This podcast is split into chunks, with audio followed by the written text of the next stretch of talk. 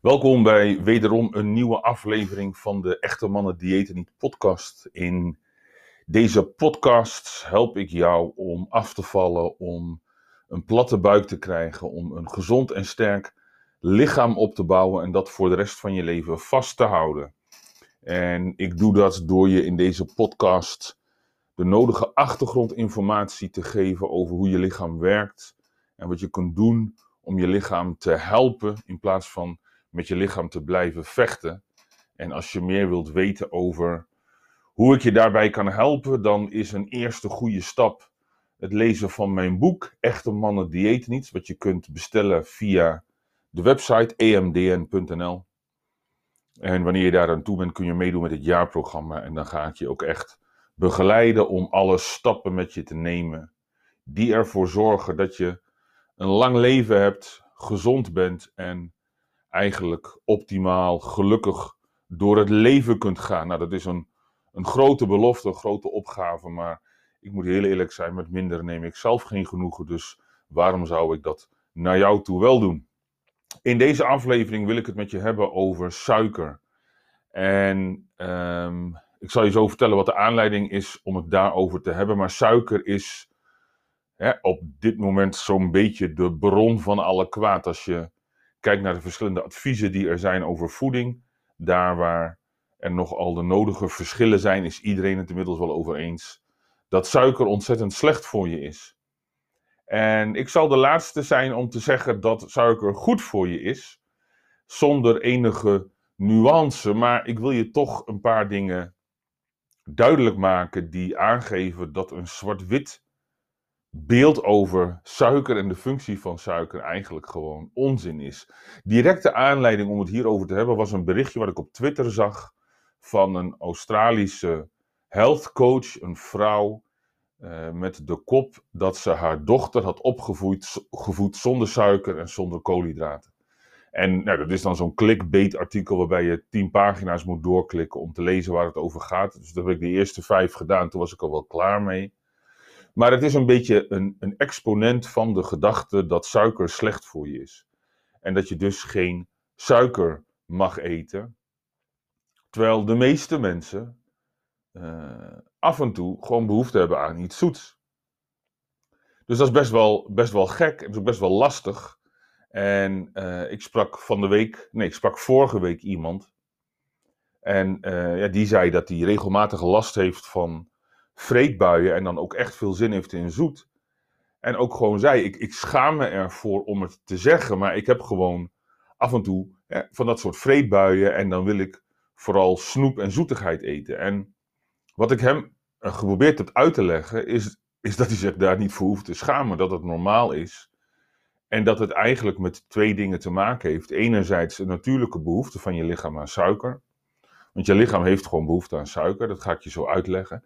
En punt twee, het simpele feit dat je onvoldoende aan die behoefte voldoet door middel van voeding. En dat betekent niet dat je heel veel suiker in je voeding moet, hebben zitten, moet hebben zitten. Maar suiker heeft verschillende functies in je lichaam. En wanneer je met voeding hè, uh, stuurt op minder eten, wat standaard is voor iedereen die wil afvallen, we proberen minder te eten ja, dan krijg je gewoon niet datgene binnen wat je lichaam nodig heeft. En dan krijg je cravings. En linksom of rechtsom vertelt je lichaam toch wel wat het nodig heeft. Dus als jij gewoon heel goed je best doet met je bakje yoghurt ochtends en je broodje kaas middags en je kleine maaltijd s avonds en vervolgens daarna krijg je mega vreedzin. Ja, dat is je lichaam die tegen jou zegt: luister, leuk, leuk dat dieet, maar ik heb gewoon voedsel nodig. Dus we voeren die honger flink op.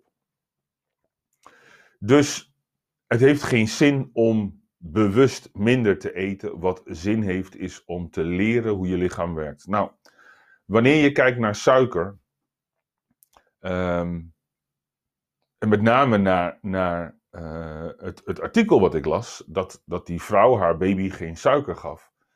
Het eerste waar ik aan moest denken was moedermelk. Hoeveel suiker zit er in moedermelk? Nou, dat blijkt 7 gram suiker per 100 milliliter te zijn. Dus dat is 7% suiker in moedermelk. En een, een, een, een, een kind wat moedermelk nodig heeft, een, baby of een zuigeling, om eens een dom woord te gebruiken, heeft ongeveer 750 milliliter moedermelk nodig. Dus dat is ongeveer 50 gram suiker. Nou, als je er dan van uitgaat dat dat kind ergens tussen de 5 en 10 kilo zwaar is, laten we zeggen 10 kilo, dat rekent makkelijk, dan is dat 5 gram suiker per kilo lichaamsgewicht. 5 gram suiker, oké, dus jij bent misschien 80, 90 kilo, laten we uitgaan van 80 kilo. Dus dat betekent in vergelijking 5 keer 8, 400 gram suiker voor een volwassen man. Nou, dat is natuurlijk een astronomische hoeveelheid suiker. Um, maar dat laat wel zien dat moeder natuur de memo niet heeft gehad dat suiker heel slecht is. Want een, een babytje krijgt gewoon 50 gram suiker per dag binnen. Wanneer je kijkt naar een kalf, een babykoe, die drinkt koemelk. Nou, uh, ja, wij leven in een, in een realiteit waarin het, het uh, voedingscentrum op basis van adviezen van de Gezondheidsraad ons nog steeds adviseert om melk te drinken. Twee tot drie glazen per dag. Melk, koemelk, bevat ook suiker, ongeveer 5 gram per 100 milliliter. Dus wanneer je drie glazen melk drinkt van 200 milliliter, dat is 600 ml, dus dat is ook 30 gram suiker. En ja, melk is bedoeld om van een kalf een koe te maken. Dus zo'n kalf krijgt ook heel veel suiker binnen door middel van koemelk. Wanneer je kijkt naar een appel, ja, zo'n beetje het gezondste wat je kan bedenken. Een appel bevat 14, 15 gram suiker. Ook wortelen, wat natuurlijk gewoon heel erg gezond is, bevatten ongeveer 5 gram suiker per 100 gram. Met andere woorden, de natuur heeft besloten dat jij op allerlei manieren suiker binnenkrijgt. Terwijl wij nu met z'n allen bedenken dat suiker zo'n beetje het slechtste is wat je kunt eten. Dat is gek. Toch? Het is raar dat je aan de ene kant door gezonde dingen te eten en door het meest basale wat je als, als mens, als baby kunt eten, moedermelk, een hele berg met suiker binnenkrijgt, om vervolgens in je volwassen leven verteld te krijgen dat je suiker zoveel mogelijk moet mijden en dat je ja, dus eigenlijk ook een vraagteken moet gaan zetten bij het eten van een appel of bij het eten van groenten waar suiker in zit. Nou, hoe, hoe maak je daar nou chocola van? Om uh, bij het thema suiker te blijven. Hoe zit dat nou met betrekking tot uh, jouw gezondheid en met betrekking tot de keuzes die je moet maken?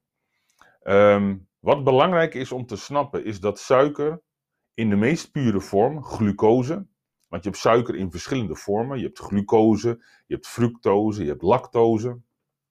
Suiker in zijn meest pure vorm, glucose, is essentieel voor jouw lichaam.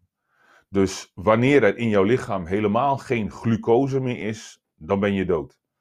Um, wanneer je bloedsuikerspiegel te laag is, wat bijvoorbeeld kan gebeuren als je uh, diabetes bent en je injecteert uh, uh, insuline, en je eet onvoldoende, dan, dan, dan kun je uiteindelijk in een coma raken en overlijden. En hè, er zijn gevallen bekend, ik ben de naam even kwijt, maar dat was een verpleegster die heeft meerdere mensen vermoord. En die deed dat gewoon door flink insuline te injecteren, waardoor die bloedsuikerspiegel omlaag gaat. Dan krijgen de hersenen onvoldoende voedingsstoffen binnen, dan raak je in een coma en dan ga je dood. Met andere woorden, glucose is essentieel voor je lichaam. Nou, wanneer je wel eens iets gelezen hebt over het ketogene dieet, dan zul je gelezen hebben dat koolhydraten niet essentieel zijn, want je lichaam kan zelf glucose maken. En dat klopt. je, je lichaam kan, je lever kan glucose maken, moet ik zeggen, van aminozuren. En je lever kan glucose maken van glycerol. En glycerol is een onderdeel van, uh, van, van de manier waarop in je lichaam vet is opgeslagen. Maar het simpele feit dat je lichaam dat altijd doet en altijd blijft doen, Zelfs wanneer je helemaal niets eet, dus zelfs wanneer je een week gaat vasten, of zelfs wanneer je diep in ketose bent door het volgen van een ketogeen dieet, dan blijft je lichaam altijd glucose maken. Er circuleert altijd rond de 5 gram glucose in je bloed. En ook al uh, ben je diep in ketose en draait je lichaam op vetten en op ketonen, dan nog hebben je hersenen rond de 30 gram glucose per dag nodig om te functioneren. Heeft je lichaam glucose nodig voor het maken van glycoproteïne. Dat zijn bijvoorbeeld, is het bijvoorbeeld het slijm en de slijmvliezen in je mond en in je maag en, en in je darmen. En, en heeft je lichaam ook glucose nodig voor het maken van bepaalde hormonen. LA en FSH, twee hormonen die betrokken zijn bij de productie van testosteron, dat zijn ook glycoproteïnen. Dus dat zijn verbindingen tussen eiwit en glucose. En daar heeft je lichaam glucose voor nodig. Dus je lichaam heeft een bepaalde natuurlijke behoefte aan suiker. Zo simpel is het.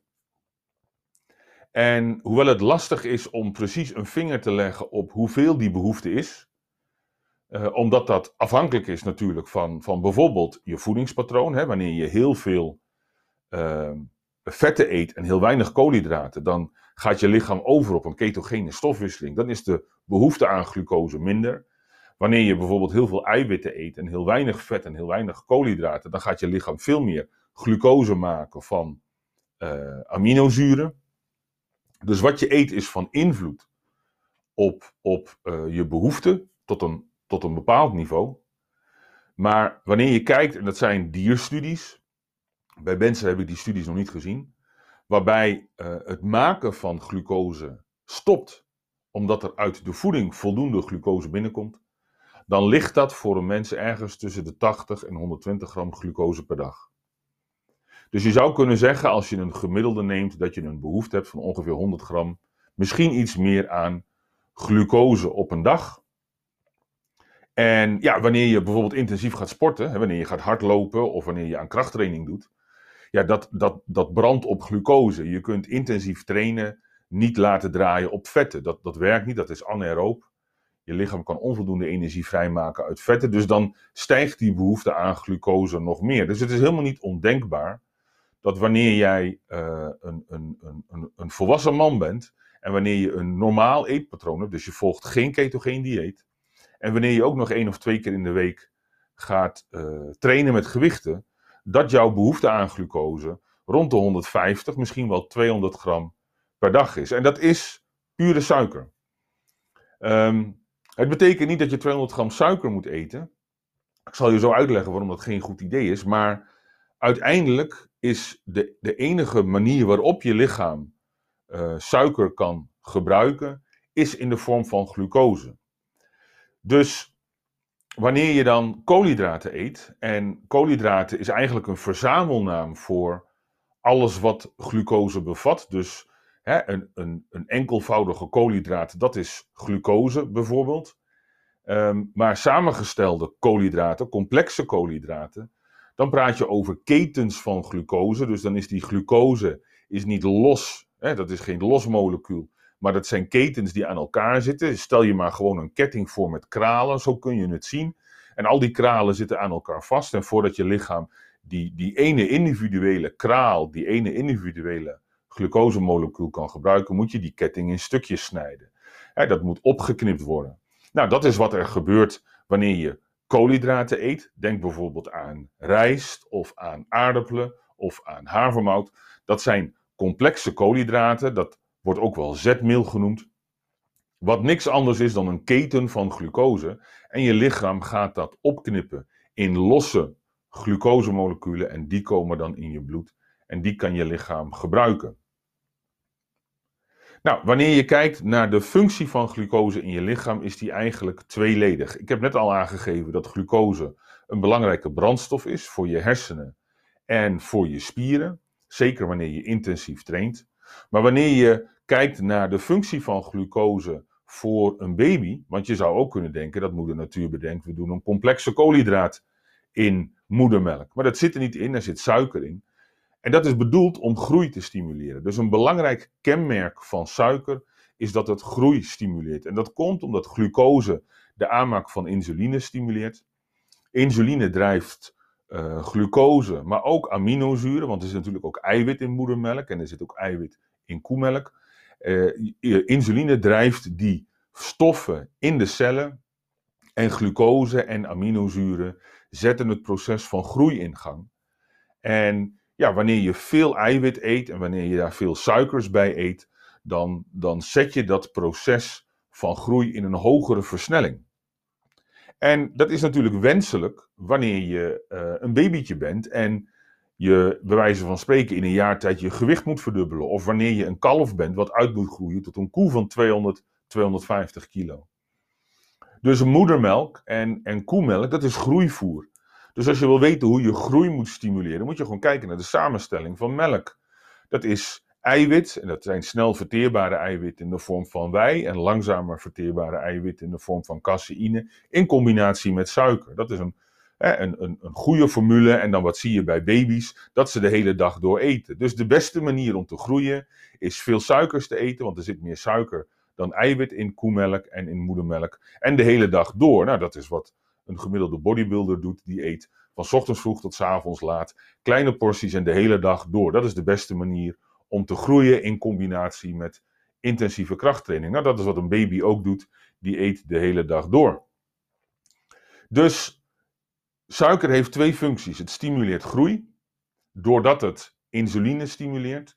En in het verlengde van de productie van insuline heeft suiker ook een stimulerende werking op insulinegroeifactor. En insulinegroeifactor, IGF afgekort, is een van de belangrijkste hormonen in je lichaam die uh, groei stimuleert. Hè, en die ook groei kan stimuleren onafhankelijk van uh, bijvoorbeeld de rol van uh, eiwit of de rol van krachttraining. Hè. De IGF is op zichzelf een hormoon wat groei stimuleert. En dus, dus suikers zorgen voor een verhoging van insuline en zorgen voor een verhoging van IGF-1, wat wordt aangemaakt in de lever, maar ook in weefsels zelf worden varianten van IGF-1 aangemaakt onder invloed van wat je eet. Dus suiker dient als brandstof en suiker dient als um, stimulus voor groei via insuline en IGF-1 signaling, zo noemen ze dat. Dus vanuit die gedachte is het niet zo vreemd dat er op verschillende plekken in de natuur um, voedsel beschikbaar is met een concentratie van glucose, dan wel een concentratie van ketens van glucose in de vorm van zetmeel. Als je een aardappel uit de grond haalt, wat de meest basale manier van koolhydraten eten is. rijst moet je wat verbouwen, maar is eigenlijk ook een natuurproduct. Pasta en brood en, en dat soort dingen zijn het al veel minder, want dat moet je echt gaan bewerken. Maar een aardappel of een cassave of weet ik wat voor knol, een wortel, die je uit de grond haalt, kun je eigenlijk zo meteen eten. Daar zit koolhydraten in, daar zit suiker in. En ja, moeder natuur heeft gewoon altijd gelijk. Dus dat betekent je lichaam heeft daar een bepaalde behoefte aan. En wanneer je niet aan die behoefte voldoet, het zij doordat je gewoon veel te weinig eet, of dat je bent gevallen voor uh, een, een sterke reductie in de hoeveelheid koolhydraten, zonder dat je daar heel veel eiwit en vet tegenover zet. want je kunt, je kunt laag in je koolhydraten gaan, daar is op zich niks mis mee. Maar dan moet je wel zorgen dat je voldoende vet en voldoende eiwit binnenkrijgt. En dan gaat je lichaam gewoon van een deel van die eiwit glucose maken. En die vetten worden gebruikt om uh, als alternatieve brandstof te dienen. Maar je blijft dan altijd een zekere behoefte aan glucose houden. En dat zie je dan ook terug wanneer je gaat kijken naar bijvoorbeeld uh, het effect van laag koolhydraten op uh, bloedsuiker of het effect van laag koolhydraten op versuikerde hemoglobine. Nou, het gaat wat ver, maar je ziet eigenlijk uh, regelmatig bij mensen die een laag koolhydraten dieet volgen, zie je een, een, een zekere mate van insulineresistentie ontstaan, omdat je weefsels glucose gaan sparen voor je hersenen. Glucose wordt zo schaars dat je weefsels dat gaan sparen voor je hersenen. En dat betekent dat je bloedsuikerspiegel zelfs iets verhoogd kan raken. Ik heb dat zelf gemerkt toen ik een half jaar lang ketogeen at en mijn bloedsuikerspiegel een tiende van diabetesniveau afzat. Precies het tegenovergestelde wat je zou verwachten. En uiteindelijk na lang pluizen en lang uitzoeken is dat uh, gebleken een, een, een, een vorm van fysiologische insulineresistentie als reactie op een tekort aan suiker. Ja, je, zou het bijna niet kunnen bedenken. Maar dat is hoe een lichaam reageert. En natuurlijk zitten daar grote verschillen in. Sommige mensen gaan juist heel goed op weinig koolhydraten en meer vet. Maar het laat maar zien dat een one-size-fits-all idee over voeding eigenlijk de plank mislaat. En dat je, uh, hoe dan ook, altijd een zekere mate van uh, behoefte aan glucose houdt. En in sommige gevallen kan ondanks dat je afvalt en ondanks dat je er misschien wel goed bij voelt, je lichaam toch laten zien dat je eigenlijk meer glucose nodig hebt. En toen ik meer koolhydraten ben gaan eten, toen ging mijn bloedsuikerspiegel weer omlaag en had ik hem goed onder controle.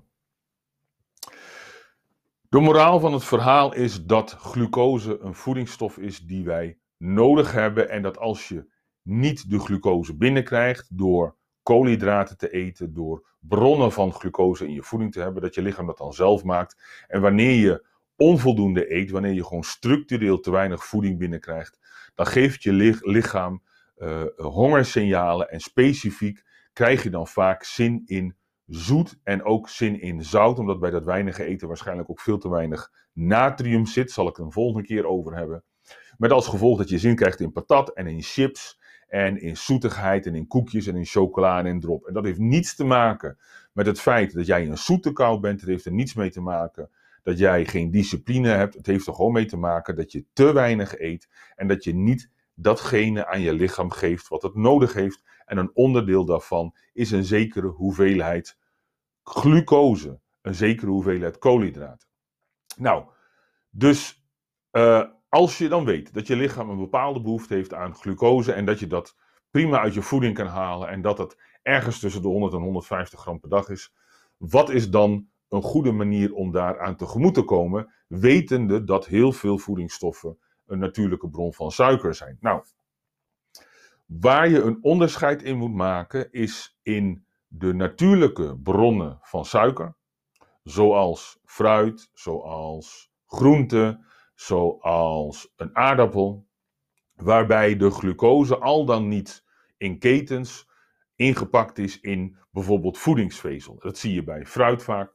Er zit een zekere hoeveelheid voedingsvezel in. En voordat je lichaam die glucose kan gebruiken, dan moet eerst in de darmen dat vezeltje worden afgebroken en dan komt die glucose vrij. Wanneer je een aardappel eet en je kookt hem, dan heeft je lichaam tijd nodig om daar de glucose uit te halen. Dus kenmerkend voor natuurlijke bronnen van koolhydraten, natuurlijke bronnen van glucose, is eigenlijk enerzijds dat de concentratie niet zo hoog is. Denk weer aan hè, moedermelk, 7 gram per 100 gram moedermelk of een appel. Een appel weegt 150 gram, zit 14 gram suiker in. Dus die concentratie koolhydraten is niet zo hoog. Daarnaast de uh, tempo waarin dat, dat verteerd wordt en het tempo waarin die suiker uiteindelijk in je bloedbaan komt, is laag. En die twee dingen, die zijn essentieel.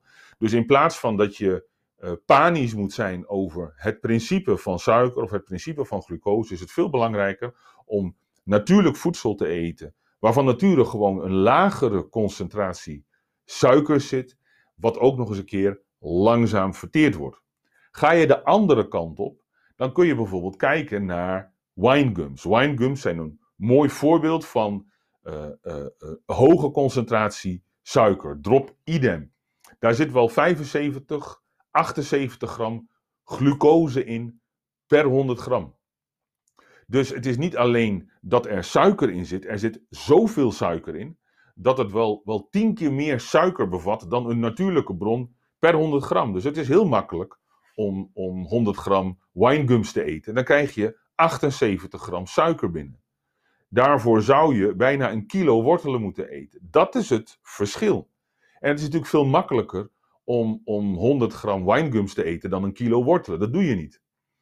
Dus bewerkt voedsel met, met toegevoegde suikers, dat, dat bevat in de regel een hele hoge concentratie suiker. Daarnaast bevat het ook suiker in zijn pure vorm. Suiker in de vorm van glucose, zonder voedingsvezel, zonder vetten, zonder eiwitten, die heel snel verteerd worden. Dus het effect van bijvoorbeeld winegums is dat je in een korte periode heel makkelijk heel veel suiker binnenkrijgt en dat dat ook nog eens een keer heel snel verteerd wordt. Dus het is niet het principe van suiker of glucose aan zich, het heeft eigenlijk vooral te maken met de manier waarop je het binnenkrijgt. En wat daarin een hele belangrijke rol speelt, en daar leren we steeds meer over, is dat wanneer je kijkt naar suiker zoals het bijvoorbeeld in de suikerpot zit, wat we saccharose noemen, dat is geen glucose. Dat is 50% glucose en 50% fructose. En ook wanneer je kijkt naar het suiker wat in uh, frisdrank zit, in cola, in sinaas en wat nog meer, dat is vaak ook dezelfde combinatie: glucose, fructose, siroop. En wat we inmiddels weten is dat er een hele duidelijke relatie zit tussen de consumptie van fructose en het ontstaan van overgewicht, het ontstaan van diabetes, het ontstaan van hart- en vaatziekten en ook in het ontstaan en de progressie van kanker. En met name dat laatste is steeds beter onderzocht. Fructose wordt niet op een normale manier, net zoals glucose in je lichaam, verteerd. Fructose is een, eigenlijk een soort van ja, lichaamsvreemde stof, die min of meer direct naar de lever gaat en daar uh, verwerkt wordt. Maar wanneer die concentratie fructose te groot is, kan je lever dat niet aan. En ontstaat er van vet, vervetting van je lever en ontstaat een verstoring van je cholesterol en je triglyceridegehalte. Maar er zijn nu zelfs aanwijzingen dat de consumptie van fructose in grote hoeveelheden gewoon van invloed is op genexpressie en met name um, het, het oncogene fenotype. Dat is ook weer zo'n woord. Um, eigenlijk het ontstaan van kanker in de hand werkt. Puur en alleen door de manier waarop fructose wordt uh, verwerkt in je lichaam. De stofwisseling van fructose is anders dan van glucose. En, en wat je ziet in de afgelopen jaren is, en dan heb ik het over de laatste 20, 30, 40 jaar, is dat met name die consumptie van fructose een enorme toename heeft gekend, doordat we veel meer bewerkt voedsel zijn gaan eten. Die fructose kan op een goedkope manier worden geproduceerd uit suikerriet, uit suikerbieten. En dat is de suiker die vaak wordt gebruikt in snoep.